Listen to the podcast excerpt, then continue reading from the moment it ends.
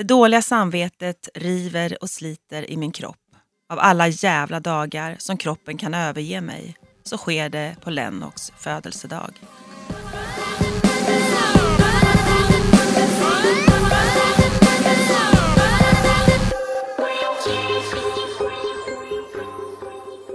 Hej och välkomna tillbaka till Multimammorna. Idag är det jag, My Martens. Jag, Åsa Brunnander och en gäst. Vill du presentera dig själv? Ja, det är Lotta Gray som är här idag. Välkommen Lotta! Tack. Vem är då Lotta Gray? Oj, hur lång tid har vi på oss? Ja, men du, vi riggar så här tre timmar till. Alltså, för, för mig, får jag flika in? Ja. Alltså, Lotta är ju en eh, vimmeltjej Mm. sen typ 100 år. Mm. Helt otroligt. Det är där jag inser att du faktiskt är äldre. Mm. För annars så fattar man inte det. Alltså, jag är fortfarande chockad Lotta. Sen är hon ju vår bloggkollega. Vi är allihopa under samma portal. Mm. Mm. Men vem är Lotta mer? Berätta. Men jag är nog en ganska så vanlig tjej som har en ovanlig historia tror jag. Mm. Jag tänker på min, min cancerdiagnos eh, framför allt. Annars är jag nog en ganska vanlig tjej. Rätt tråkig, ganska negativ, ganska svart av mig. Eh, gillar att äta pepparkaksdeg, har svart bälte i att sova. Oh vad härligt, det har jag med. Ja, Jag försöker, jag försöker lära mig det där för jag är sämst på att sova. jag är grym på att sova. Jag kan sova 12 timmar i sträck utan att röra mig. Eh, kanske gå upp och kissa och sen fortsätta. Eh, så det är väl liksom, gillar att dricka lättöl. Ja, jag vet inte, gillar skinnjackor. och, kall, och kallas Vimmelmamman då av Precis. olika orsaker också. Ja, just det. För du jobbar ju på... Jag jobbar ju på, på Hänt, Häntgruppen som det numera heter sedan eh, nästan 17 år tillbaka. Mm. Mm. Du hör till inventarierna Mm. nästan. Jag är nästan äldst snart. Folk försvinner ibland och så sitter jag kvar. Ja, och jag vet, alltså innan vi lärde känna varandra så var, hade man alltid den här bilden av, du står ju alltid så här liksom i, ja, i kanten på dina vimmelreportage och så här liksom lång, smal, tjusig, mörk eh, kvinna. Alltså, jag sa faktiskt eh, innan du skulle komma här nere i receptionen att eh, Lotta Gray kommer snart och vet du inte vem hon är så är det en skitsnygg mörk eh, tjej. ja, men det är ju, hon är så Vad äckligt snygg som man dör. Liksom. Tack Åsa. Jag känner mig inte så snygg, jag känner mig så trött just nu. vi tycker du är snygg Har vi stört ditt sovande nu? Ja, lite. Jag Ja. gick upp klockan sex. Men jag brukar gå upp sex. Så det är så här, jag, och sen somnar jag halv två. Ja, vi är Mm, faktiskt här ganska tidigt idag. Vi brukar inte Mm. köra igång riktigt så tidigt. Men hur är det Lotta? Är du född och uppvuxen i Stockholm? Jag är ju född och uppvuxen i Fjugesta som ligger utanför Örebro. Eh, Ett litet, jättelitet samhälle. Och där har jag växt upp tills jag var 18. Och sen flyttade jag in till den stora staden Örebro och bodde där tills jag var 28. Och vid 28 års ålder flyttade jag till Stockholm, vilket är ganska sent. De flesta flyttar ju när man pluggar eller 28 år är ganska så här, ja men det, är- det är inte så vanligt tror jag. Det är som jag. Ja, Jag var också just det. 28 när jag väl slog upp, fast då hade jag pendlat innan. Ja, just det. Det var jag- för, ja. förra året alltså. Mm, 2015. Två år sedan. Jag fyller ju 30 i Ja, just nu, räknar, nu sitter Ja, Åsa och räknar. Jag bara, du sa det, det bara snurrar runt i skallen. Så jag är så dålig på att räkna. ja, men du, hur är det med dig Åsa? Nu har vi ju... Ja. Ja, Mm. jag, jag sa det med, försökte klanga till det lite glatt. Men Ja. Du är Jo. inte på topp. Nej, jag är inte det. Jag försöker att vara glad, men det är jättesvårt just nu. Ehm, vi, har, jag, vi har ju berättat om det innan, att jag har en kvinna som gör allt för att förstöra mitt liv på alla sätt och vis. Och ehm, när vi hade uppe det i podden då för några veckor sedan så Mm. trodde jag inte det kunde bli så mycket värre, men det eskalerar hela tiden. Så att senast nu i helgen så hade jag polisbesök som eh, då krävde att få komma in och se så att inte jag hade kidnappat några barn och, eller höll på att misshandla någon eller, ja, eller bli misshandlad själv. Alltså det är så absurda anklagelser. Ja, de kommer ju liksom om vartannat också. Mm. Det är ju verkligen...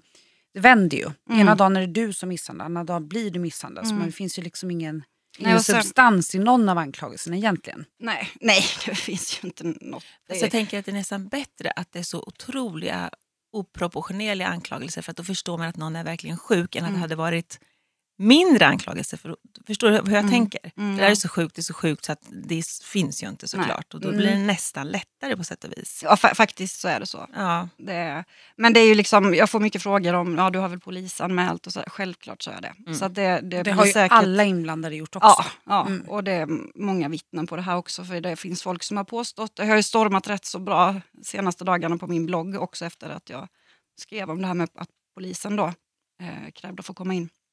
Eh, och eh, ja, det finns ju, finns ju faktiskt sådana som då tror att jag hittar på det här. Liksom. Men eh, så är det ju Och till och med någon som sa att det var jag som låg bakom. Ja men precis, ja, men det var ju jätteintressant att My låg bakom det här.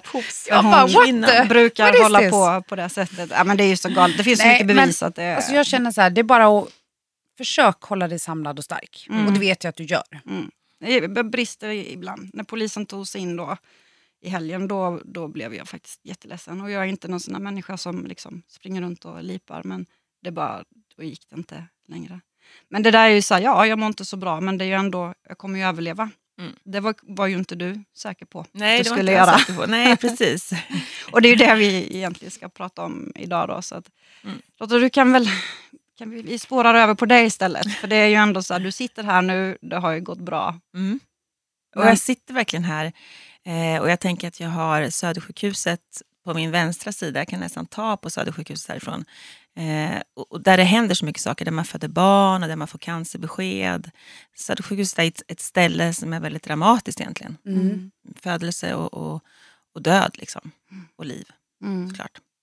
Eh, nej men så jag, jag, jag är friskförklarad från min cancer som jag fick 2008. Tjocktarmscancer och den är jag friskförklarad från, från 2012. Mm. Och det, kanske, det var väl ingen som trodde eftersom jag fick en spridning till levern. Och då brukar det inte gå så bra för det mesta. Åh, jag bara ryser. Mm. Ja, det var, så här, det var nästan värre att få ett besked att levern var, var angripen än att få själva cancerbeskedet faktiskt. Mm. För jag förstod vad det betydde att ha fått en spridning Mm. till levern. Eh, men den opererades. Eh, man plockade bort de här metastaserna. Och den har växt ut till sin fulla storlek. Den har växt till och med mera. Så när jag sitter ner ibland och knyter skorna så känner jag hur den tar emot.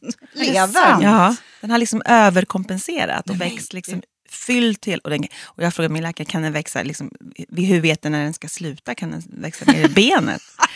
Men den kan ju bara växa i sitt hålrum. Ja. så den kan ju bara fylla ut sitt hålrum. Så det var Men vilken eh, både läskig och härlig känsla. Mm. Just att den överkompenserar för den Mm. är stark. Men levern är ett fantastiskt organ, har jag förstått, Mm. att operera i. Det är en mjuk del, så det är värre kanske att få en spridning till skelettet som Mm. inte går att, att Mm. operera i. Så att, så att levern är inget bra ställe på ett sätt, men på ett sätt är det ett bra ställe för att det går att skära i den. Så att säga. Du, Men du, fyra år Mm. som du liksom levde under ovisshet. Ja, precis. Hur var det från början? Alltså, när fick du beskedet? Kommer du liksom, va, va, hur fick du reda på att du hade cancer? Nej, men jag hade ju ont i magen i kanske eh, två veckors tid. Så ringde jag och bad och frågade sjukvårdsupplysningen vad jag ska, skulle göra. Då tyckte de att jag skulle dricka nyponsoppa. Så då Ja. drack, drack jag jättemycket nyponsoppa. Ja. av ett märke. och det hjälpte ju inte. Och sen så blev det värre och värre och eskalerade. Så började jag kräkas och sen åkte jag in med ambulansen. Och sen eh, låg jag inne på SÖS i fyra dagar innan man upptäckte den här cancern. Man röntgade mig Mm. fram och tillbaka flera gånger per dag. Eh, och cancer var ingenting som, som passerade mitt huvud överhuvudtaget. inte Inte har ont i alls. magen, tänkte Nej, men jag tänkte det var stress eller att det var liksom... Kanske? Blindtarmen eller liksom- förstod de ganska snart att det inte var. Man kan göra så olika tester, hoppa på ett ben eller vad man ska göra. Så det var det inte. Eh, men, men cancer var ju något som var oerhört långt borta. Jag var mitt i livet, hade en två och ett halvt åring, var relativt nygift. Just det, Len också så liten. Precis, han var bara två och ett Mm. halvt. Att det var, så jag fick beskedet i ett rum med en läkare som sa att du har en tumör i din mage som är som en clementin och den måste vi operera bort nu akut för den håller på att gå sönder i din Mm. mage. Och då hamnar allt eh, bukinnehåll, eller all, allt tarminnehåll hamnar i buken och då kan man bli så här förgiftad, inte direkt förstås men det är inte så jättebra. Så då opererades jag, en jätte, jättelång operation där man tog bort 80 centimeter av tjocktarmen. Gud att man ens har så mycket tarm. Ja, Mm. man har ungefär 100. Eh, så jag brukar säga att jag har ett stort hjärta och en kort tarm. Ja. ja, hjärtat kan vi skriva under på, tarmen hade jag Ja, lite sämre koll på.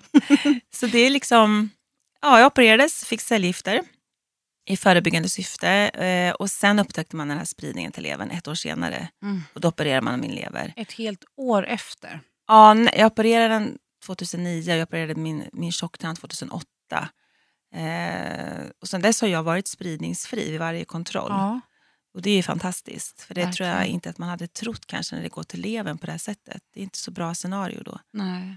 Du inledde ju, tycker jag, väldigt starkt här eh, vår, vårt avsnitt med att citera ett avsnitt i din bok. Så jag förstod, du nämnde nu att Lennox var två och ett halvt och du fick beskedet När han var två och ett halvt. Mm, precis. På hans födelsedag? Nej, Eller? jag fick ju beskedet tidigare men eh, han, när han fyllde tre, Ja. där jag läser om när han fyllde tre så gick jag på cellgifter och var så här, jag klarade mig väldigt bra, jag jobbade heltid under hela min cellgiftsbehandling. Ja. Men på slutet av en cellgiftsbehandling så blir det som en pålagring. I början går det oftast ganska bra och sen blir det värre och värre, värre för varje gång du får det. Eh, så du kroknar lite där i slutet av det här halvåret för att du är så liksom påfylld av cellgifter. Och då fyllde han år där i oktober. Och då var det så här, alltså det var så tungt för jag kunde inte följa med på hans födelsedag. Men till slut så åkte min exman och han iväg i alla fall och sen så gav jag mig fan på. Så jag tog en taxi kommer jag ihåg efteråt och kom dit för jag, jag fixade inte att vara hemma. Jag kunde inte låta honom fylla år. Och då fyllde han tre. Ja, ja, Ja. så det var Men, så ja, det hängde ihop. Det var så det hängde ihop. Ja, Men gud. precis. Men vad är det som har fått dig, för det, det är väldigt nyligen du släppte den här boken, det var, du Mm. hade väl så här, egen vimmelpremiär? bara jag hade en egen release och första Ja. gången var det min release. ja. Vi var där. Eh, Det var faktiskt fantastiskt att se hur, för du är ju väldigt så här, trygg i dig själv uppfattar jag det som.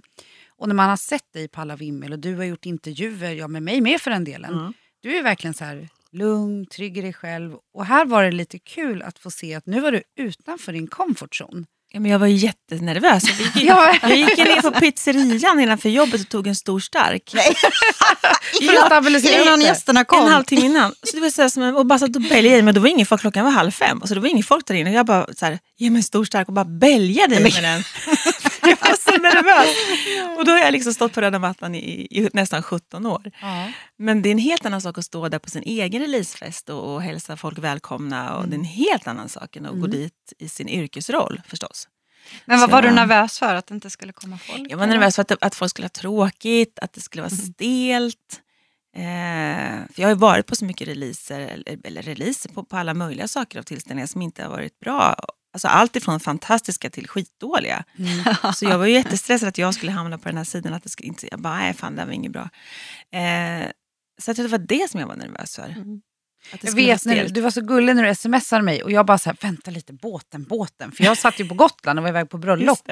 Eh, och sen så visste jag ju vilken tid det var, men jag bara, men jag, jag, jag kommer om jag hinner. Så jag Mm. verkligen så här, krigade mig genom Stockholmstrafiken och Ja. kom typ in så här 30 minuter sent. Men jag bara yes, I made ja it. men du var där, jätteroligt. Ja, men du strålar verkligen och det jag tycker är så fint det är här, när man hör hur folk pratar om dig. Det är inte jag så säker på Det att du hann. Nej, men du stod där framme och gjorde det du skulle göra. Ja. Eh, men eh, det var ju väldigt, alltså både nära vänner, ytliga Mm. bekanta, Precis. vimmelvänner. Mm. Och, och det, är så, det gemensamma är ändå styrkan. Alltså folk pratar om din styrka och om ditt, liksom, att du alltid är glad och sprudlande. Och snygg. Snygg kommer Mm. alltid in. Ja. Du kommer liksom... Tjusig Jag tycker kommer jag. inte Så här, ifrån det. ord som passar. Ja men det är verkligen så. Ja. Men då, får- då får ju du ta, var det tråkigt? Det var inte alls tråkigt. Det var så här avslappnat, relaxed och folk hade jättetrevligt och det vimlades och det var ju uppe på en fantastisk våning. Vad heter det nu igen? Jarl, hotell Jarl. Ja. Eh, nej men jag var så här, eh, jag är ju så här, fixar inte hög musik, jag är på så mycket vimmel man inte kan prata med varandra. Jag har skitsvårt för det. Dels är det för att jag är 50. Och på fulla, nej men på fulla ställen märker jag att jag har jätteproblem med, med hög musik vart jag än är. När jag ska äta på restaurangen, när jag är på fik, man, måste, du vet, man kan inte prata. Man måste luta sig fram. Och sen så du vet, verkligen, och jag, så jag var så här, det var mitt prio. Folk måste kunna prata med varandra. Mm. Så det var liksom inte massa Du lyckades. Så här, ja, bra. Trevligt. Men vad, vad var det som fick dig att skriva boken då? Alltså jag fick ju frågan. Det var ju tredje gången jag fått den här frågan. Mm. Så det är egentligen inte jag som har liksom sökt upp och velat skriva den från början. Utan jag har sagt nej två gånger. För Jag tycker att det finns så otroligt mycket böcker om, om cancerhistoria. Det kan inte komma en till. Folk spyr ju på det här. Liksom. Så jag har sagt nej. Och sen så fick jag den en tredje gång från Your Life eh, Forum. Som är förstås ett stort etablerat eh, förlag Mm. och Karina Nunstedt som jag känner sedan tidigare som är förläggare.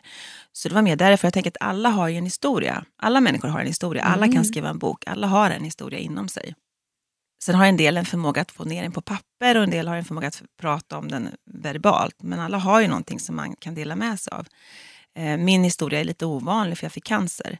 Eh, Så jag tänker jag skriver väl den där boken eftersom folk verkar vilja det. Liksom. Mm. Och jag tror att jag, jag skrev det ju, det, anledningen är att den ska hjälpa och stötta människor som står inför stora förändringar i sitt liv. Och det kan ju vara allt från att skilja sig eller att bli sjuk eller att eh, stå inför stora vägval i livet. Att man kan hitta styrka i boken och se att det går att resa sig upp igen. Liksom. Det Mm. funkar. Så det är min primära drivkraft att skriva den. Mm. Har varit. Mm. Mm. Jag tycker titeln är så fin. Ja, Himlen kan vänta. Mm. Det har varit mycket tjafs om den eftersom det är så många som tycker att jag har stulit den titeln från SVT-serien Himlen kan vänta. Men Himlen kan vänta fanns ju, det är inget patentnamn Nej. som någon äger utan det är ju eh, från början en amerikansk film, en svensk översättning tror jag. Och sen tycker jag att Himlen kan vänta är så, så talande. Det är kort, Ja, en kort ja. titel, det är alltid bra med korta titlar. Och sen tycker jag att Himlen kan vänta. Mm. Så jag gillade den. Är du troende? Jättefint. Nej, inte alls. Inte på det, nej, inte så på det sättet. Men vad tänker man liksom när man får ett sånt där besked? Alltså, jag, vet inte, jag tror att jag bara sådär fortsatte att göra det jag är bäst på, att vara Lotta. Mm. Jag var väldigt sådär bevakande med mitt, mitt vardagsliv, att jag liksom ville fortsätta jobba om det gick. Så jag gick ut på, på mina vimmel med cellgiftsflaskan i bakfickan på jeansen, kopplad till kroppen. Hade den så här dunjackan, hade den en liten klatsch på, på James Bond-premiären på Grand Hotel. Hade ingenstans att ha den, så hittade jag en sån liten aftonväska. Så den precis gick ner. Så det var så extrema kontraster i mitt liv då. För det var cellgifter och så jobbade jag och, och jag fixade det. Liksom. Jag mådde inte speciellt illa, jag tappade inget hår. Jag gick ner i vikt väldigt mycket och blev väldigt så här disträ och ofokuserad. Glömde plånböcker och mobiler och var väldigt så här frånvarande. Mm. mm. Och då vet man inte om det beror på att man har fått ett besked som är svårt att hantera eller om det faktiskt är cellgifterna som gör en. De forskar lite på det där faktiskt. Vad det som Mm. är att man blir lite så här... Man har inte kommit fram till Nej, det. va? varför man blir så påverkad i huvudet. Jag det glömde där grejer är- hela tiden. Jag har ju två familjemedlemmar nära som, som drabbats av cancer också. Ja. Eh, och just det där är det första som en av dem framförallt sa. Mm. Eh, och hennes läkare har sagt likadant, att man kan inte riktigt veta idag Vad det beror på. beror på. Nej, Nej. för jag blev väldigt så här, glömde grejer. Du vet, tappa plånboken, mobilen fick jag ringa. Den kunde ligga på H&M på golv. Alltså jag var jätteförvirrad. Men jag jobbade och det var väldigt viktigt för mig tror jag, att jag kunde gå till jobbet ett par Mm. timmar varje dag. Det är otrolig livlina. Och det man kan inte sitta och säga att jag var så duktig, att jag fick så jobba. Jag blev inte lika dålig av cellgifterna som en del blir. Så det har med det att göra, inte att jag var så duktigare än någon annan. Utan jag bara fixar att jobba, helt enkelt. Ja, för man har väl hört att en del blir så att de bara ligger och kräks. Och... Ja men en del blir ju jättesjuka och tappar allt hår och liksom kan inte äta och, och, och sjukskriver sig förstås. Och liksom. Men jag vet inte varför, jag bara liksom köttar på. Det är Men det lite där min kanske, grej. ja, men jag skulle precis säga det där kanske Mm. är lite din räddning samtidigt. Att få göra det. Du är mer Absolut. en, en doer där. Sen så självklart måste ju kroppen hålla ihop så att det går. Ja. Och det var ju väldigt tur i oturen att det gick. Nej, men det tror jag. jag tror att det är lite, lite min grej att kötta på och inte liksom... Jag är inte heller någon crybaby. Alltså Mm. inte alls. Det ska mycket till innan jag lägger mig ner och liksom, det här går inte. Vilket också är dumt därför att det, folk vet inte hur, hur ledsen man är, hur ensam man är för att man alltid har den här enorma fasaden. Så det är också väldigt dubbelt. Men för mig var det sådär... För jag tänker också att släppa in någon, vänner till exempel, och sen kan de inte hjälpa till, så då gör det så ont. Mm. Så då skiter jag hellre i att fråga. Mm. Mm, ja, men jag förstår. Så, så Mm. jobbar jag lite, Mm. vilket är Mm. hemskt egentligen. Kanske Och sen samtidigt vara mamma. Ja, det var ju så till liten svårt. kille ett som liksom barn. utforskar livet och testar sina gränser. Och Ja, och så har du fullt upp med att bearbeta ett Mm. enormt trauma i ditt liv. Berättade du för Lennox i den åldern? Nej, men jag sa att jag var sjuk och att doktorn hade lagat mig. Han såg ju mina ärr på magen, han såg ju cellgiftsflaskan. Men jag sa aldrig ordet cancer förrän nu förstås när han är äldre. Men jag sa att jag, hade, att jag var sjuk och att doktorn skulle laga mig. Och jag har aldrig sagt och jag kommer aldrig säga att jag kommer att bli att jag aldrig mer kommer att bli sjuk. Nej. För det är ett sånt enormt svek Mm. om man nu skulle få ett återfall och faktiskt inte klara sig. Att man har sagt någon gång att jag kommer aldrig mer, jag kommer aldrig mer att bli sjuk. Nej. Så att jag har alltid haft den dörren öppen och sagt jag är frisk just nu. Mm. Så har jag liksom jobbat. Men jag vet Jag att alla, alltså alla funkar olika. Jag vet att, att Pamela Ja, Alselin- topphälsa. ja, topphälsa hon pr- Ja. pratar helt annorlunda med sina barn och säger att jag, nu, det här jag kommer aldrig att lämna er, jag är, är frisk nu. Liksom. Så det är, och all respekt, alla har sitt sätt att prata. Så att jag tror att det handlar mer om vem man är. Liksom, Mm. faktiskt. Men, men har Lennox haft så här mycket frågor om det när han har blivit äldre nu? Han har förstått eh, på sista tiden att jag var så sjuk. Mm. Eh, jag har läst lite ur boken. Jag tycker det var jätteviktigt för honom att få veta vad den här boken handlar om. Mm. Så att han får någon slags förförståelse. När folk pratar om boken så vill jag att han ska ha, ha någon litet hum om vad den här boken handlar om. Och det han har mått eh, eller mått dåligt av har han väl inte gjort, men det han har tyckt varit jobbigt är ju när jag har läst om att jag har varit så sjuk. Mm. Han har sagt, men var du så sjuk mamma? Och, men var du så ledsen då? Det är det han har tyckt varit um, Ja, för varit han lite såg ju din starka fasad antagligen. Precis. Mm. Och det är så svårt när man är två och ett halvt år. Och, och det enda man vill är att vara en så superstark mamma som Mm. inte låter min sjukdom drabba honom på något sätt. Och därför tror jag att jag höll upp den här enorma fasaden. Mm. Nu i efterhand kan jag tycka att det kanske inte är så smart att man ska låta barnen ändå få en liten glimt av den man är. Mm. Men det är svårt de är så små. Hur mycket ska man visa? Hur mycket ska de bära av din smärta? Det är jättesvårt. Mm. Ja, usch, jag, tycker, alltså, jag kan ha svårt att sätta mig in i det. Det är jättesvårt Ja, nej, det att är- relatera till det. Men jag, jag tycker ändå det är starkt. Och, oavsett, som du sa nu, nu i efterhand. Mm. Ja, det är alltid så när man lämnar ett kapitel bakom sig eller när man går igenom någonting och speciellt ett trauma. För det här är ju en typ av ett trauma. Mm. Det är liksom en långvarig kamp. Det är det. Det är klart att man alltid med erfarenheten med sig kan tänka och tycka annorlunda. Men Mm. jag måste ändå säga, jag tycker det är modigt av dig att både skriva boken Mm, eh, och, och göra såna här, men som nu när du blir intervjuad lite här och var och berätta kring det. För jag tror att det hjälper många där ute som just nu befinner sig i oron eller som också har lämnat traumat bakom sig. Mm. Så jag förstår att du har fått frågan tre gånger för det är ändå så här Visst, det finns många cancerhistorier. Det är ju tyvärr en av tre som idag drabbas. Mm. Men samtidigt... Är är det ju- så många? Mm. Ja. Oj. Ja, Det är både- folksjukdom i stort sett. Ja, nästan. men det är ju tyvärr Mm. så. Och bo, både du och jag har varit engagerade i Cancerfonden Mm. på flera sätt och är fortfarande. Men när man ser statistiken och ser hur många som drabbas så tänk också en av tre drabbas. Men hur många anhöriga har de? Hur många Mm. människor kan relatera till den här för jävliga sjukdomen? Mm. Så jag tycker det är jättestarkt och modigt. tror jag. Ja men precis, det blir som ringa på vattnet för du har ju anhöriga, du har barn, barnbarn, mormor, morfar, föräldrar, syskon. Så det är ju så otroligt mycket människor som drabbas Mm. i kölvattnet av cancer. Ja men verkligen. Men blir man inte så här, alltså jag, jag är så bara, men hur kände du och hur var det och sådär. För jag kan ju tänka så här, skulle jag fått sånt besked skulle jag nog bli väldigt arg. Nu har jag ju, har jag ju rätt så kort stubin Jag bara, sig, men- såg du min blick? Jag bara, Alltså, mm. Just nu är jag väldigt, väldigt arg när jag är så här, i obalans dessutom. Jag Men tror att man tycker det är så går- orättvist liksom. Man går igenom hela spektrat av, av en sorgeprocess. Eh, Det är, liksom, det är ilska, det är förnekelse, det är så småningom acceptans. Eh, så man går igenom hela det där och tror att det, det ser också olika ut för olika människor hur lång tid det tar. Acceptans blir det ju aldrig. Nej, och jag kan tänka de människorna som faktiskt drabbas av cancer och är obotbara och faktiskt Mm. kommer att dö i sin sjukdom så får ett besked att det här kommer inte att gå, du, du kommer inte att leva. Det tror jag inte att det finns en acceptans, kanske möjligtvis, men, men jag har svårt att se det. Mm. Jo, men jag har varit arg. Jag har liksom tyckt att, men cancer är också en väldigt, väldigt rättvis sjukdom. Den är otroligt demokratisk. Den slår emot alla. Mm. Fattiga, unga, rika, barn, vuxna. Den har ingen urskiljningsförmåga. Den, den slår mot alla. Så på ett sätt så är den ju... Det går inte att säga att varför jag? Varför någon egentligen? Mm.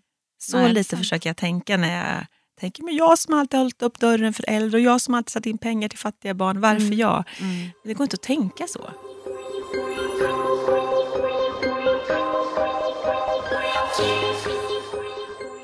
Men Lotta, jag tänker på det, när du fick reda på det, var det så att du åren innan, har du gått på såna regelbundna kontroller? Alltså har du, har du gått och gjort hälsoundersökningar där du har Det finns gått ingen... djupare in på det? Nej, inte, inte Nej. De, nej, inget sånt. Man pratar om att man ska göra en, en man har ju en sån här tarmkoll Ja. som man vill införa i Sverige. Att man ska, alla ska kolla sin finns tjocktarm. inte den än? Jag tror inte en, ska, en ska, så kallad screening Ja. för människor mellan, om det mellan 30 och 60 eller något sånt där regelbundet. Jo, man kan köpa den. Ja, man kan köpa Ja, den. man kan köpa den. Mm. Jag, jag, jag fick höra, det låg någonstans på 20-25 000. Men man måste, det räcker ju inte att göra den en gång utan det måste man ju göra ofta. återkommande. Ja, precis. Så man vet ju bara att just då har, har man inte det. Mm. Och sen tänker jag också att, att tjocktarmscancer är svårt att upptäcka. Bröstcancer pratar vi om hela tiden. Vi lär våra döttrar att känna efter på brösten i duschen, Mm. leta efter knölar. Mm. Vi lär oss det jättetidigt. Men, men en, tarm kan du ju inte undersöka. Det är helt omöjligt. Så det är så svårt att upptäcka en tjocktarmscancer. Och det är den tredje största cancerformen idag. Mm. Bröstcancer, prostatacancer och tarmcancer. Jaha. Men det går inte att upptäcka den. Alltså du får blod i avföringen, den blir öm som hård, öm som mjuk, du går ner i vikt. Men brösten har vi liksom lärt oss Och bröstcancerpatienten är oftast en, en yngre patient. Hon är oftast engagerad på sociala medier, hon delar sin historia. Mm. Tjocktarmscancerpatienten är oftast runt 70-75 Oj. vid, vid insjuknad. så att man är inte ute och, på, på, samma sätt. Så jag Nej. var ju väldigt ung. Mm. Så. Jag var 39 då. Den är ju inte uppmärksammad på samma sätt. Nej, det är jätte, jättesvårt. Eh, Men sen är det också, det är tarmen, det är inte så sexigt med bajs och avföring. Nej. Brösten är, är lättare att prata om. Jag är Mm. helt övertygad om att det handlar om det. Och där har ju Cancerfonden kört en stenhård kampanj under många års tid nu. Så det är klart att det, det blir lättare att ta på. Och det är Mm. som du Ja, men- säger, ja. det är yngre, man, man hittar en ofta ett yngre skede. Eh, och tack och lov så är det många som också klarar sig ifrån det. Ja. Och de delar sina historier precis som du säger. Vi har Precis. Facebook, vi har Instagram, vi har... Och Twitter många bröstcancer, bröstcancerbloggar, hur många tarmcancerbloggar Nej, finns det? Det finns min och några till, men bröstcancerpatienten är ju liksom en aktiv Mm. yngre person. Mm. Och det är såklart positivt. Ja, det är jättebra. Mm. Jätte, det är fantastiskt, Mm. Såklart. Det här med, med just att man känner att det är orättvist. Jag har ju, min- min 15-åriga son föddes ju med ett jättekomplicerat hjärtfel. Mm. Och det är ju ungefär 1000 barn om året. Då var det 800 men nu är det uppe i 1000 barn om året som föds med hjärtfel. Hans var ju då, tillhörde ju dessutom de, de liksom svårare att fixa. Men då vet jag att jag tänkte så här att först tyckte jag det var så jävla orättvist. Liksom. Men varför skulle jag få ett barn som är trasigt liksom? men sen tänkte jag så här, jag kunde lika gärna vunnit på Lotto. Mm. Nu hade jag ju hellre vunnit på Lotto såklart än, än att fått ett barn med hjärtfel. Men eh, ja, den där orättvisan tampades jag väldigt mycket med. Vi pratade ju om det i ett Mm. tidigare avsnitt också. Ja, jag vet inte hur man ska ställa sig till det. Jag tror att man tycker att livet är orättvist. Vi har ju en förmåga, var, var, varför ska jag vara med om det här? Mm. Eller varför, varför liksom? Men jag vet inte riktigt. Ibland tänker jag att det fanns en mening med det. Mm. I mina liksom största ögonblick. Så här. Att Det fanns en, en mening med att jag skulle få cancer. Mm. Och, och det är mitt engagemang för Läkarmissionen som, jag har, som har väckts väldigt mycket efter att jag blev sjuk och blev frisk. Mm. Framförallt för gatubarn. Eh, och det tror inte jag att jag hade fått om jag hade, aldrig hade drabbats av cancer. Om du ska säga någonting så bra då. Det var Mm. faktiskt bra med att jag fick cancer. Det var bra att jag fick ett engagemang för gatubarn. och, och att jag också har lärt mig förstås en massa saker. Att det lilla livet är det stora livet och att jag inte Mm. behöver så mycket uttryck längre. Och att, eller att man skala av människor som tar energi. Mm. umgås med människor som ger energi. Ni vet när man träffar tjejkompisar ibland. Och man går därifrån och man är helt dränerad Mm. istället för påfylld. Mm. Man är helt slut. Och då är det något så här, nej. Eh, försöker att stänga av Mm. sådana människor istället. Ehm, och att tiden vi har har blivit så otroligt viktig för mig. Hur fyller vi vår tid? Vad Mm. fyller vi den med? Förut när jag blev sjuk så trodde jag att vi hade eoner av tid. Mm. Men vi har ju inte det. Vi har Nej. ju faktiskt en begränsad tid och då blir det ännu viktigare tror jag, när man har varit sjuk. Att tänka, vad fyller jag den här tiden med? Mm. Vilka träffar jag? Vad gör jag? Det har jag också börjat fundera väldigt mycket på. Mm. Så det, och det är positivt. Men jag hade ju såklart velat vara frisk och sluppit vara klok som en bok. Ja, ja, om jag hade absolut. fått välja. Liksom. Ja, självklart. Det förstår jag. Men, men så tänker jag så här, liksom, att, man, det här, att man ibland kommer till insikten. Man får Mm. ett wake-up call. Du får ju det givetvis som är den drabbade och som liksom har levt och kämpat igenom det. Men det är också många andra som, som nu när de läser din historia, wow, man kanske börjar bli lite mer tacksam Mm. Mm. över vardagsting som man nästan lite tar för givet. Mm. Jo, men jag. får ju mycket mejl nu efter att boken har varit ute i två veckor. Där folk precis säger som du säger My. Att Ja. De säger att Gud, liksom, här sitter jag och gnäller i mitt liksom, Mm. fina hus. Eller, Förlåt att jag skrattar. Men alltså, jag hade ett sånt där du vet, hemma häromdagen. Och, och jag köpte boken och, och jag har tagit med mig den hem. Och jag måste erkänna att jag har inte hunnit läsa Nej, men klart det är den. okej. Eh, så I coming Det ska back jag göra with i sommar. Ja, Ja, men, men då satt jag så här, du vet, mitt i flyttkaoset nu. Allt gick snett. Jag spillde ut kaffe. Och vad fan spelar det för roll? Mm. Mm. sagt. Men du vet, välter ut en kopp kaffe, trampar på katten som blir skitsur för jag trampar på hans svans. Ja. Det var ju inte meningen, det var ju i samband med kaffeutspillningen. Ja. Så går jag ut och du vet, ser flyttkartongerna inne överallt och jag bara känner så här, livet är skit. Och sen så bara ligger din bok där. Och jag bara, eller kanske inte. Och du vet man får ändå, för jag, jag har också de här grundvärderingarna. Alltså, jag har lärt mig att livet är inte rättvist. Nej. jag försöker verkligen att förmedla det till min son, till Ludvig som nu är sex och ett halvt. Mm. Livet är inte rättvist och livet kommer inte vara rättvist. Men man kan alltid välja hur man ser på det. Alltså jag försöker prägla honom så hårt med det Mm. att man inte kan ta någon eller något för givet och det kommer komma motgångar. Mm. Eh, sen har man ju de här, och jag menar jag har mitt bagage och, och alla har ju sitt bagage. Och just det här när man bara känner fy fasen rent ut sagt, nu är det Mm. skit. Jag Mm. orkar inte flytta till Öland och packa lastbilar. Och det är ju egentligen liksom, ja det är klart att det är fysiskt påfrestande, Mm. lite psykiskt också i och för sig. Men det är ju inte, alltså, Nej, det är, ju inte end det of the där. world. Förstår? Nej, och precis. du låg verkligen där alltså, och stirrade på mig. jag bara, ja. Så jag tog min kaffe och var tyst. Men man behöver den där, det där uppvaknandet ibland, eller liksom bli lite omruskad. För att när man hamnar i de där livskriserna då, som ju, min värsta är ju det här med Tim då. Det var ju också så att man, men man blev så ödmjuk inför livet. Alltså, Mm. Där och då så skulle jag liksom eh, skola om mig till att bli typ sjuksköterska. Och, ja, men så här, man, man bara kände att allt annat var oviktigt. Man Mm. skulle bara se till att folk eh, får en god hälsa. Liksom. Mm. Men sen är man ju så här, det är väl i och för sig en skyddsmekanism tror jag hos oss människor också, att man, man glömmer ganska fort det där som är så väldigt jobbigt. Mm. Eh, och då är det ändå bra ibland att påminnas om det och bli sådär tacksam igen. Ja, men det tänker jag att boken ändå ger någon slags så här, aha Mm. eller liksom shit vad jag har det bra. För det är mycket, boken handlar liksom om, om mina resor till Afrika, om alla mina möten som jag träffar där man verkligen, alltså jag träffar människor som inte har några tänder i munnen och äter varannan dag och, och, och bor att komma hem då är, till det här är ju helt fantastiskt. Det spelar ingen roll hur vi lever här, vi lever alltid bättre. Sen man, kan man inte jämföra det med hur vi lever. Det är jättekorkat förstås. Och den handlar ju om cancer och den handlar om, om att gå igenom en skilsmässa och vad det innebär. Så att, eh, och jag tror att om man läser den så är det på, den, den, har, ju- den har ju många bottnar. Mm. Och alla har ju någon slags så här, aha, ja, men fan, jag har nog Mm. ganska, ganska okej ändå. Och du belyser så himla viktiga saker. Alltså, du, gör, du, gör så, du gör skillnad Lotta, det tycker jag är häftigt med dig. För att, dels det här med boken och det du lyfter upp där då, men, men ditt engagemang för Läkarmissionen. Du har ju gästskrivit på våran Mm. makt med Q då, makt.se eh, för Läkarmissionen. Och det, jag åh, det, var, det tog mig jättehårt det här med, med kvinnor och förlossningar. Och, Mm. alltså det här, ja, jag gick in och köpte massor med förlossningar Ja, just det. till mor- mor- till mors dag. Ja. Ja. Bara för att... Ja, du eh, skickade en sån till mig. Ja, det tror jag gjorde. Ja. Ja. Ja, men alltså det är så häftigt med, med folk som inte bara snackar. Du är verkligen inte bara en snackare utan...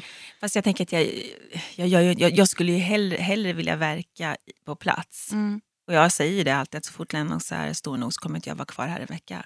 Tror du inte det? Nej, det finns inte en chans. Inte en vecka Du ska flytta stanna ner ut i en Ja, hydda jag, ja, jag kommer att flytta. mm, Jag kommer förmodligen flytta till Sydafrika och jobba med Monica Woodhouse projekt som heter Give a Child a Family. Ett fantastiskt projekt med, med barn som kommer till hennes. En svensk kvinna som driver ett eh, barnhem, ska man inte säga för det är så hemskt. Men ett projekt där, där man tar hand om barn som man hittar i soporna, som är misshandlade, som är översatt, över, utsatta för övergrepp, som inte kan leva i sina familjer. Så jag har varit där och det är fantastiskt. De har ju en stor, stor ställe där det, alltså de är ju så små en del, de ligger i, i, fortfarande kan inte gå, de minsta. Allt upp till liksom 14-15 år. Eh, så där skulle jag faktiskt, eh, jag är helt säker på att jag kommer att vara där Mm. när Lennox är, när klarar de sig? När de är 17, 18, 20? Ja, ja, men det, Det är lite individuellt. Nej, jag, jag skojar. Men när han, när man, han såklart kan stå på helt egna ben eh, och inte behöver mig och har flyttat hemifrån. Och, Ja, men han klivit in i vuxenlivet. ja men precis, då kommer inte jag vara kvar här. Förhoppningsvis Nej. så kommer ju kanske han också få ett intresse för det. Jag tror att han tvärtom just nu har slagit ganska mycket bakut för att jag är så Mm. otroligt tjatig på det här och har varit väldigt så. Så han är så här, men mamma sluta, jag orkar, jag vet, jag fattar. Så att jag tror inte det just nu, men jag hoppas att han bär med sig någonting Mm. som han kommer ha hela livet ändå. Ett slags engagemang för den lilla människan. Mm. Så tänker jag faktiskt. Jo, Ja, men det det, där, det där känner jag igen för att jag svor ju åt min pappa som liten. Han ville liksom få mig att göra och tycka vissa saker som Mm. han. Jag bara aldrig, aldrig, aldrig. Den dagen jag fyllde 18 så startade jag samma affärsverksamhet. Fast jag svor på att aldrig någonsin göra det. Och jag bara, pappa jag fattar, jag vill inte, okej? Så. Mm. Sen gjorde jag ju det i alla fall. Så det, jag tror du, kom, du kommer hinna ja. ha några vändor jag, upp och jag ner. tror ju lite på det här långsamma arbetet med människor och med barn. Att man kanske inte tror att man planterar saker, för Mm. det märks inte och de värjer sig och de vill inte. Men jag tror att det landar i dem, hur vi är, landar på något sätt ändå djupare som sen Mm. kommer att visa sig när de är vuxna. Att de bär Mm. med sig någonting i alla fall, fast man kanske inte tror det. Absolut. Så, Nej, men så är det ju. Min son sa senast i helgen så att mamma du låter precis som mormor fast lite värre. Han menade ju att jag tjatade så fruktansvärt. Mm. Och, man, och det är så, jag hör ju det själv. Ja. Alltså man, även tar efter beteenden, inte bara värderingar. Liksom, ifrån Och likväl när man tittar på sina egna barn. Mm. Jag kan ju titta på Ludvig och så kan jag vara så otroligt irriterad över hur han beter sig. Mm. Och så ser jag en exakt minikopia av mig Men själv. det är Det är precis de, du är irriterad det är de grejerna som retar en värst. Ja, ja. Så är det ju de där man ser liksom, nej, det där eh, det gör ju Mm. jag också. Men du Lotta, jag tänker på det. Det här när man kommer tillbaka och när man blir friskförklarad. Mm.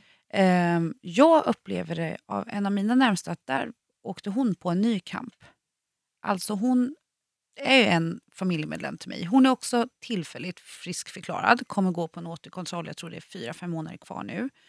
Också gått på cellgift under lång, lång period. Hon har upplevt sig väldigt ensam efteråt och har inte riktigt liksom haft någon att vända sig till. Och då tänker jag genom läkarna. Mm. Eh, hon känner sig lite utslängd. Nu vill inte jag säga vem hon är för att hon, hon och jag har kommit överens om det. Men jag tror att det där är en ganska vanlig känsla. Alltså Mm. att man kan hamna i lite, förstår du? Ja, Absolut, jag Ut, tror att, eh, utanförskap lite. Jag tror att när man blir friskförklarad och, och behandlingen är över och man inte går på kontroller längre, man är inte inne i den här världen där man blir kollad. Utan Mm. man känner sig, men gud ska ingen kolla mig, hur ska det bli nu? Tänk om det sprider sig? Ja, hon Man har är liksom- dödsångest. Alltså det är lite så. Och hon, hon kämpar mer än hon är medveten. Men Ja, jag tror att det ja. är, och sen ska man kanske ut i arbetslivet. Mm. Eh, livet går vidare. Det är ingen som sitter längre på middagarna och frågar hur mår du? Utan Mm. folk har släppt det där lite grann och man ska börja jobba igen och livet ska rulla på.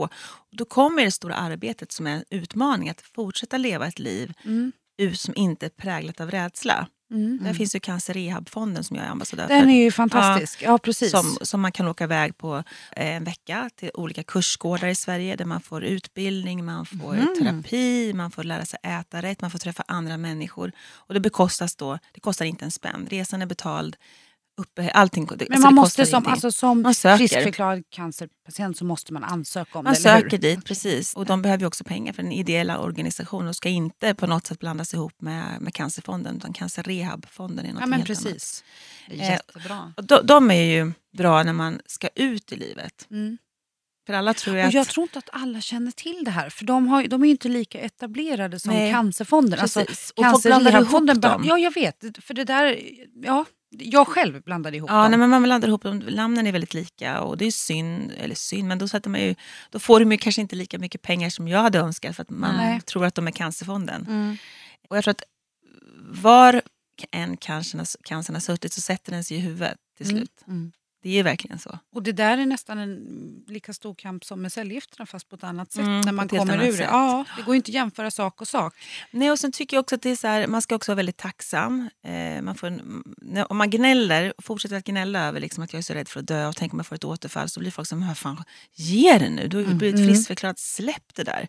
Så det finns en skam i att prata om det, vilket gör att jag i alla fall tystnar. För folk orkar inte med, de pallar inte. Jag måste lägga ner det här snacket om oro. Och då blir du också ensam. Mm. För folk tycker så här, men den här tacksamheten, här, du måste ha så mycket tacksamhet nu när du har fått livet tillbaka. Jo men klart man är tacksam men det finns ju en otrolig rädsla att få ett återfall. Ja, det måste det ju vara.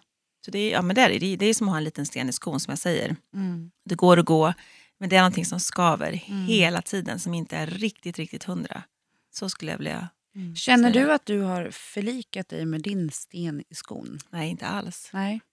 Jag vet inte liksom hur... Det där är ju en jätteutmaning i mitt liv att inte tänka på cancer. När jag var sjuk tänkte jag på den kanske 600 gånger om dagen. Nu kanske jag tänker på den 90 gånger om dagen. Mm.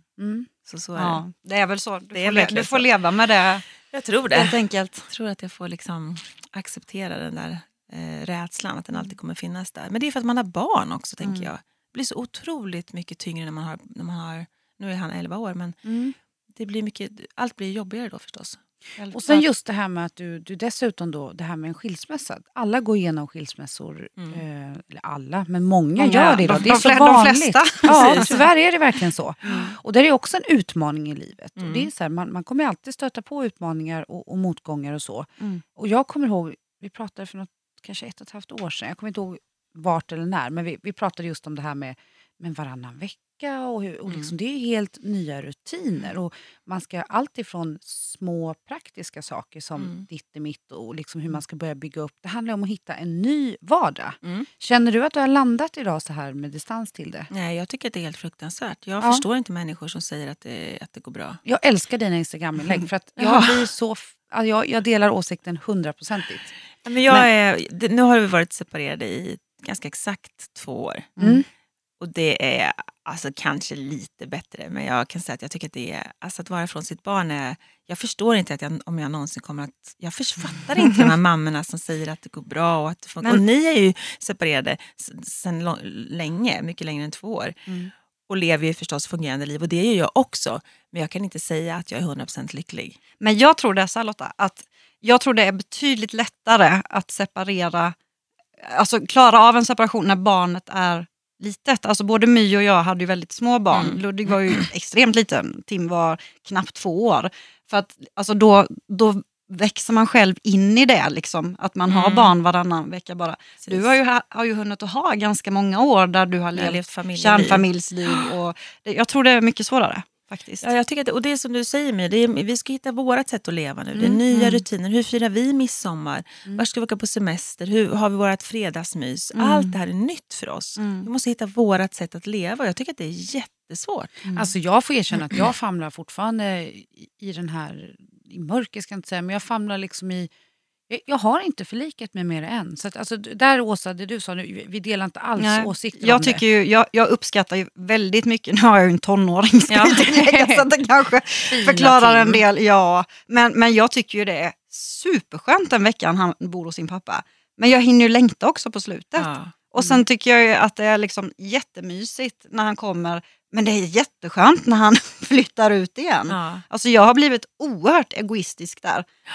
Men, men, eh, Men jag- men, alltså- men folk säger till mig att du kommer längta efter din vecka. Jag vill ju bara ge dem en vecka och jag vill ju bara ge dem en Mm. fet smäll. För jag fattar, jag tänker hur ska jag någonsin kunna längta efter en vecka och inte vara med mitt barn? Det är så sjukt onaturligt. Jag vänta till han är burit- 15. Nej. Jag har burit honom i min kropp Ja. och nu kan jag inte dela hans, kan inte dela hans vardag. Jag tycker det är fruktansvärt Mm. sorgligt. Jag vet inte om jag någonsin kommer att bli alltigenom lyckligare där. Alltså Nej. kanske, men jag vet inte. Jag tror inte det. Nej, och jag, jag, alltså jag känner igen mig väldigt mycket i det du säger och jag har jättesvårt att hitta en vardag. Sen, sen hittar jag vardag alltså, period för period. Liksom. Mm. Eh, jag accepterar det.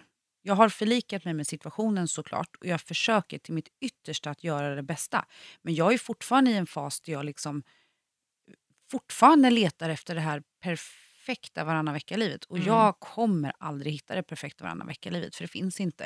Och Nej, I mitt fall, jag har ju just nu, alltså jag släpper ju min bostad i, ja, nu bor jag norr om Stockholm i Sigtuna, men jag flyttar ju ner nu Mm. trots att jag har sökt in på en utbildning till hösten, kommer börja skolan i Stockholm, kommer jobba i Stockholm. Och det är så här, folk tittar på mig och bara, va?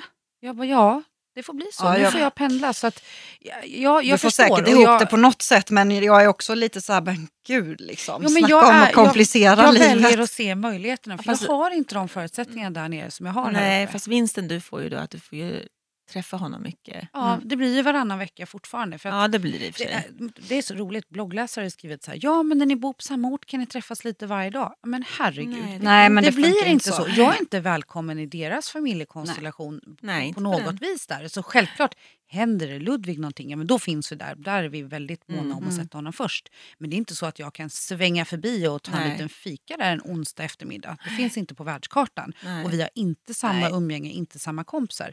Men just den här känslan att man, alltså, för det det jag vill säga till dig Lotta, jag har nu varit separerad i sex år drygt. Mm. Och lill, lillskrutten, han var ju bara tio veckor när vi separerade. Gud. Och jag hade ju levt som styrmamma till hans barn. Så att jag hade ju liksom varit inne med varannan vecka med hans två äldre syskon Ja, i sex års det. tid. Men jag tycker det är jättesvårt att förlika mig med det. Sen får man ju inte gå runt och vara bitter och sura, men alltså det, det är Nej, svårt. inte. men det, det, Det är det är ju inte lätt. Jag kan säga det jag tampas med nu som jag har svårt att vänja mig vid är att Tim har ju blivit så stor så att han väljer lite själv. Så att, Mm. alltså, jag vill ha så här, men det är måndag till måndag. Mm. Punkt slut. Du Då är liksom, ja. då är inte Och ni någon alla annan... kära lyssnare, ni alla känner till att Åsa är otroligt kontrollfreak och strukturerad. Ja, men så det blir ju jättejobbigt för mig när han säger så här, mamma är det okej om jag sover hos pappa ikväll för vi ska kolla på hockey? Och man bara, nej! Det är ju min vecka liksom. Men så, så inser man, men han är ju 15, jag kan inte säga att det är Nej, han min måste vecka. få glida liksom. runt lite. Ja men jag. lite så, det är ju en Men nu får ju du frigörelseprocess. lite mer hockeyintresserad känner jag. Ja, jo. men det är, måttligt är väl det, men han är ju helt hysterisk. Det är bara Växjö Lakers. Liksom. Det jag märker är också att han är 11 Lennox nu och eh, börjar ta naturliga steg ifrån mig. Han är Vilken skola han går han nu? Alltså, Han går i Enskedefältets skola, men ska Ah. förmodligen börja i Enskedeskolan tror vi. ja. Där ute där ni bor är det fantastiskt. Mm, det är jättefint ute i Enskede. Ja. Men det han gör är att han tar naturliga steg ifrån mig nu. Mm. Han börjar liksom hänga med kompisar, Mm. han cyklar hem till någon i två, tre timmar. Eh, vilket är precis som det ska vara. Mm. Så att, så att Men det är jobbigt. Ja, det är jobbigt fast också bra för mig. Eller jag vet inte, det, och jag har inga problem med det. Jag är inte någon mamma som säger att du får inte, du är min vecka så du måste vara med mig 24 timmar om dygnet. Så funkar det ju inte. Han måste ju få, få liksom... Eh, och det man får akta sig för tror jag är att man lägger massa skuld på honom. Att jag sitter i alla poddar och säger att jag saknar honom så mycket de här veckorna. Att det är fruktansvärt att vara utan honom. För då blir det så mycket skuld Mm. för honom att bära. Och, och det ska inte han behöva, behöva lida av. Så att inför honom håller ju inte jag honom hårt. Jag är ingen kycklingmamma.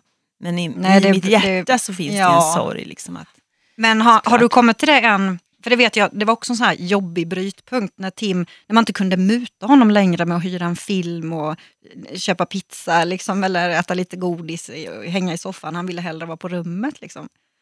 ja, nej, men han, ja, han vill vara på sitt rum väldigt Mm. mycket. Och jag försöker också se det som en, att det nog är så. Alltså nu flinar jag lite. Jag, är så, jag, jag har ju bott lite mindre sista åren, det är Ja. två rum. Så att jag bor i vardagsrummet. Ja. Men det roliga är att Ludvig sover också med mig i vardagsrummet. Och det är ju kök också, det är vårt hela rum. Det är jättelångt så det är inget så här minirum utan det är extremt Stort. långt och välplanerat.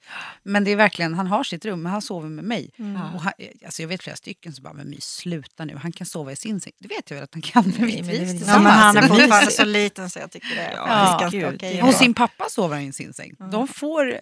Han kanske behöver Ja. dig, eller behöver det och då får man väl ge honom det. Det mysigt. jag. Jag, tror inte han allt tar har någon sin skada. tid. Du, Jag tänker så här, man kommer inte ha någon 15-åring i sängen. Nej, Det är- Nej, men det är så. Jag Jag tänker- skulle dö. Jag Kom och lägg dig hos mamma lite här.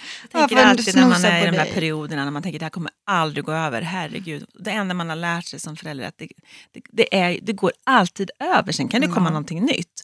Men this too will pass. Liksom. Det är lite så jag tänker. Och ha dem i sängen tycker jag, jag älskar ju det.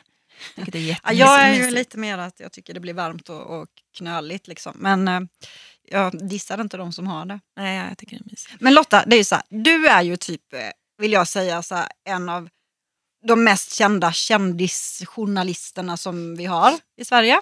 Och vi kan ju liksom inte ha Lotta här i studion utan att försöka få ur henne så här lite vimmelskvaller och ja, men typ så här Vem ligger med vem? Ja. och Nej. bästa och sämsta vimlet eller så här. Så har det blivit katastrof någon gång? Dela med dig, vi vill veta.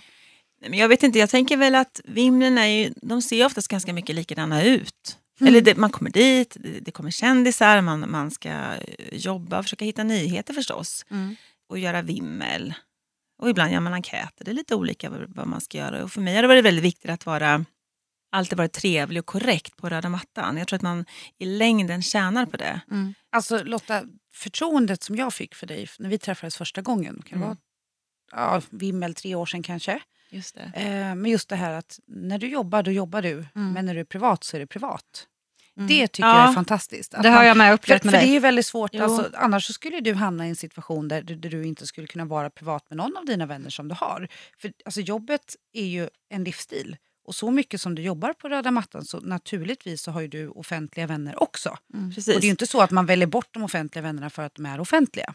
Men jag har varit ganska tydlig där med dem att eh, jag umgås ju med väldigt få människor som är kända. Jag tänker också att det finns en anledning att folk inte vill hänga med mig ibland. För att de inte vet. Liksom. De kanske tror att jag sitter på middagar och, och, och det gör ju jag ibland. Men det jag gör är att jag alltid kollar oftast nästan, ja, alltså typ så här, där du sa här nu att du är gravid eller där du sa eh, att Det är ingen här som har sagt att vi är gravida. Nej, jag vet. bara så. Nej, men så, så, så kollar jag, är det något jag liksom kan... Mm. Och det är ju helt okej tycker jag. Ja, för man hamnar i situationer ibland och jag tror ofta att man vinner på att behålla ett förtroende. Mm. För det som har hänt mig är att folk har kommit till mig flera år senare och sagt, vet du nu, nu vill jag berätta det här för dig för att du var så schysst mot mig. Och så får jag ett förtroende som jag sen kan gå till jobbet och... Så det har liksom funkat så. Jag, jag tycker att det är...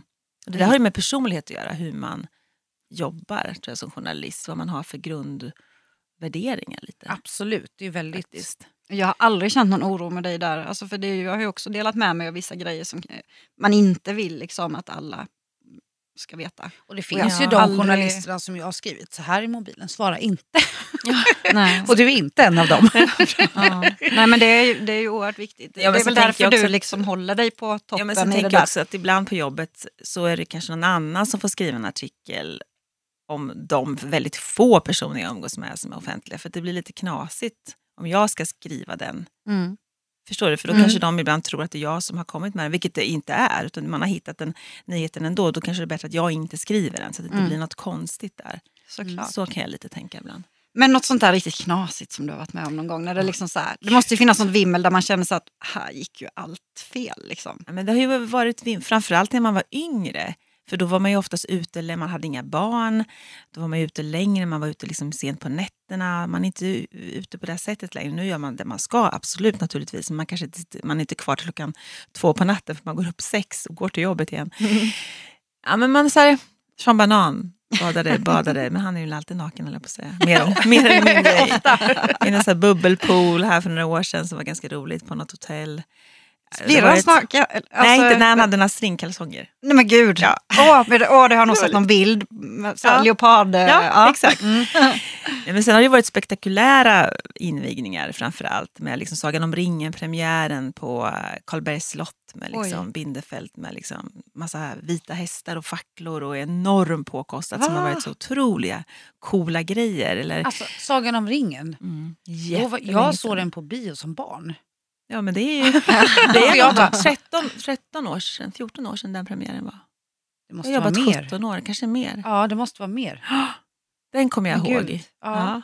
ja. Äh, är, är Bindefält liksom så här kungen av... Eh, man vet att liksom, är det ett vimmel som han håller i så... Absolut, så är det. Det går inte att förringa det. Då skulle man ljuga. Det, det han gör blir ju bra. Mm. Det, liksom, maten tar aldrig slut.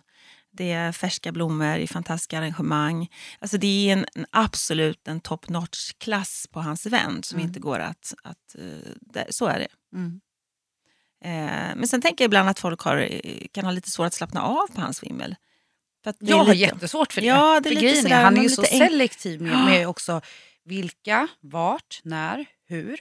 Precis. Och de gångerna som han skickar inbjudan och man står där så blir jag ganska så här, det får jag faktiskt erkänna att jag blir lite så småstressad. Mm. Framförallt när man ska prata med honom för att han har, det är någonting, jag får, jag får liksom så lite skräckblandad förtjusning med Ja. honom. Så jag vill bara ha det avklarat Men grym pondus, tycker jag. och prata och gå Ja, vidare. absolut. Men, det Ja, men visst har han det. Han, han har en liten bebis nu va? Ja. Ja, mysigt. Simeon tror jag han heter. Mm. Jättefin. Han lägger ut så bilder, jättefina små bilder på honom. Inte på, men på föt, hans på fina Mm. fötter såg jag på Instagram häromdagen. Jätte, jätteroligt, verkligen fantastiskt. Eh, så det är klart att man har ju varit på enormt spektakulära grejer. Jag intervjuade, vad heter han, Slave to Love, eh, Eh, artisten, den stora, Brian Ferry. Ja. aha. Brian Ferry intervjuade jag i Marrakesh till exempel för flera år Coolt. sedan. Ja, men det är så coola grejer. Stått och väntat på Jennifer Lopez i spöregn på Grand Hotel för att hon inte behagar, eller på Café Opera för att hon inte behagar komma. Man står där och bara fryser, så pennan slutar funka för det är så kallt. för man står utomhus. Eh, så man har ju gjort så här helt, alltså, alltså så mycket saker under de här 17 åren som är Mm. helt sinnessjuka. Och det är klart det är ett glamoröst jobb, men det är också liksom det är inte så att är, man står ute mycket, det är kallt ibland, man blir inte insläppt av vissa anledningar ibland. De vill inte ha pressen inomhus, så får man stå utomhus. Mm. Och de behöver ju oss. Mm. Alltså kända personer behöver ju oss, inte alla, inte de som är superetablerade kanske, men, men de som är på väg Men uppåt de var behöver ju... inte etablerade från Nej, det början. var de inte. Alltså lite så. Och man inte har ju- fötts in i det. såklart. Nej, Och sen kan jag tycka liksom att vi, har en, vi berättar ju om människors liv. Eh, och har man sin favoritkändis som man gillar, då, då vill man ju höra. Vem, vad, har de gift sig? Har de skilt sig? Är de gravida? Har släppt en bok, en skiva? Man vill ju berätta om hela deras liv. Mm. För att det finns ett intresse i om man följer någon. Mm. Så att det är för att man också är nyfiken på dem. Det är ju inte bara skandalerna man vill ha. Man vill ju ha, ja, om jag gillar en kändis så vill jag veta allt om den. Mm. Har du någon så drömkändis som du skulle vilja intervjua? Du får inte säga mig eller mig. Nej. Fan. oj, vad svårt. Eh, drömkändis. Eh, det är jättesvårt. Men typ så här, Kanske, Nelson nej, Mandela. men kanske Helena Seger tror jag. Jaha. Ja, men jag tänker att jag är lite nyfiken på hur det är att leva, med, leva det livet som hon lever. Hur hon liksom Mm. pallar det på alla sätt och vis. Mm. Det skulle vara, Zlatan är jag faktiskt inte intresserad av helt ärligt. Utan Nej. mera kvinnan bakom. Mm. Hur hon får ihop det. Det hade varit coolt. Mm.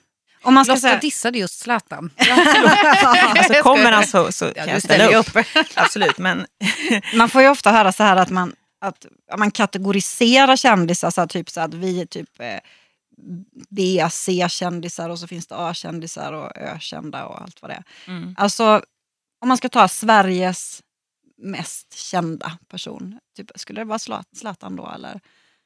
Vi får inte säga Han ligger nog i kungafamiljen. toppen tror jag nog. jo men det är han väl. liksom. Alltså, för han är ju rätt internationell så att säga. Vilka är det mer? Ja, Som man räknar in där. Sara Larsson har ju exploderat sista åren. Hon är också väldigt känd. Vi har ju... ja, Jag tänker Zlatan är den första som ploppar upp som är, som är liksom känd utanför Sveriges gränser på något sätt. Mm. Förstås. Sen har vi Stellan Skarsgård till exempel. Ja, just Också väldigt känd. På sätt och vis. Rolf Eh, Lundgren. Ja, precis. Mm. I det här äldre gardet. Ehm, Carola. ja, Carola är Carola. Ja, det är väl så va? Ja, men om man inte ens behöver något efternamn så Nej, är det liksom, men eller hur? Ja, hon är ju verkligen Carola. Och sen har vi ju ABBA-gänget. Ja, just det. Ja. Mm. Verkligen inte att förakta. Förringa, så säger man. Nej, absolut, de är ju super, superkända. Mm. Vi har ju rätt många bra från Sverige faktiskt som representerar många olika kategorier. Ja, Mm. det ser man när man kommer från Arlanda där. Som sitter på väggen. Ja, det är häftigt. Ja, jag gillar det. Mm. Darin tycker jag är så coolt. Det är jättehäftigt. Jag är lite stolt. Ja. Mm, kul. Vi kommer behöva sy ihop det här. Är det någonting du känner att du vill säga mer just om boken? Nej, men jag tänker bara att, den, att jag ska säga att den heter Himlen kan vänta. Det är väl det viktigaste. Var hittar man den för någonstans? Nej, men den finns ju dels som ljudbok, men att köpa förstås på Mm. vanliga akademibokhandlar, vanliga bokhandlar. Men att man kan köpa den om man vill känna sig stärkt och läsa om en, en livshistoria. Det är en biografi från när jag är sex år gammal till november förra året. Mm. Så det, är ju, det är ett helt liv i den där boken. Alltså, du har ju verkligen skrivit i raketfart Lotta. Jag kommer ihåg när jag såg när du skrev Mm. alltså, på Instagram att nu ska jag. Sen vet ju inte jag om det kanske hade börjat då eller hur Nej, det var. Men ett, elva månader tog det. jag har hållit på med min i två år och jag har pausat Oj. den. Ja. Det är så här, och så jag, jag ordagrant nästan svimmade av när jag bara så här följt dig och med glädje såklart. Jag ja. bara Jesus Christ. Men Lotta kanske jag inte har att- dyslexi. Nej, jag, nej precis. Jag tror att det tog elva månader och, och när man skriver så, där så får man ju ett uppdrag och ska leverera. Mm. Och då får du en tid på det. Det är ju bara gilla läget. Jag har ju sagt stopp där så jag har ju verkligen, jag, jag har sagt att de kommer få vänta två år till. Ja, nej, Mm. jag fick en, eh, en... När man skriver på kontraktet så Mm. finns det ju en tid som man ska leverera på. Och, så. och Sen har jag haft svårt att hitta tid. Svårt att hitta, jag har skrivit på nätterna och på varannan helg. För den tiden Lennox har varit hos mig, den veckan vill inte jag sitta med näsan Nej. i datorn för mycket. Nej. Ehm, så jag har liksom tagit lite så här, två timmar här, två timmar där. Du vet, så här, jag slutar jobba klockan fyra, har ett vimmer klockan sju. Då kan jag gå och sätta mig någonstans. Så har jag liksom Mm. Mm. Men du har fått jobbat. ihop det. Ja, det tog ganska exakt elva månader. Ja. Det är häftigt.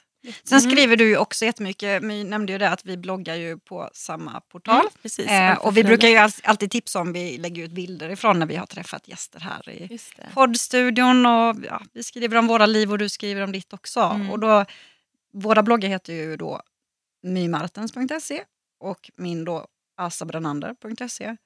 Och din heter inte någonting sånt utan den heter... Alltså den heter Vimmelmamman.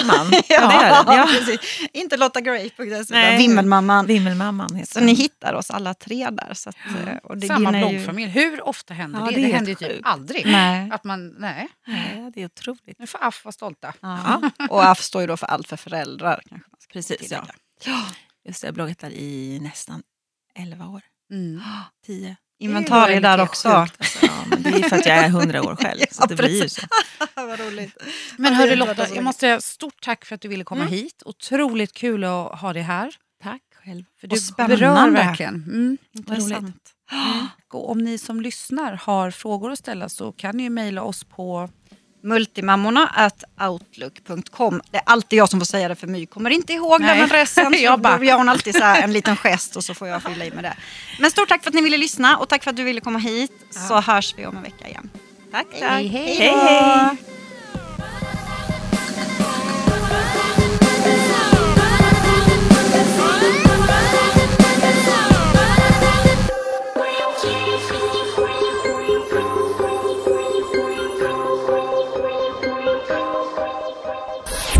Produceras av I Like Radio. I like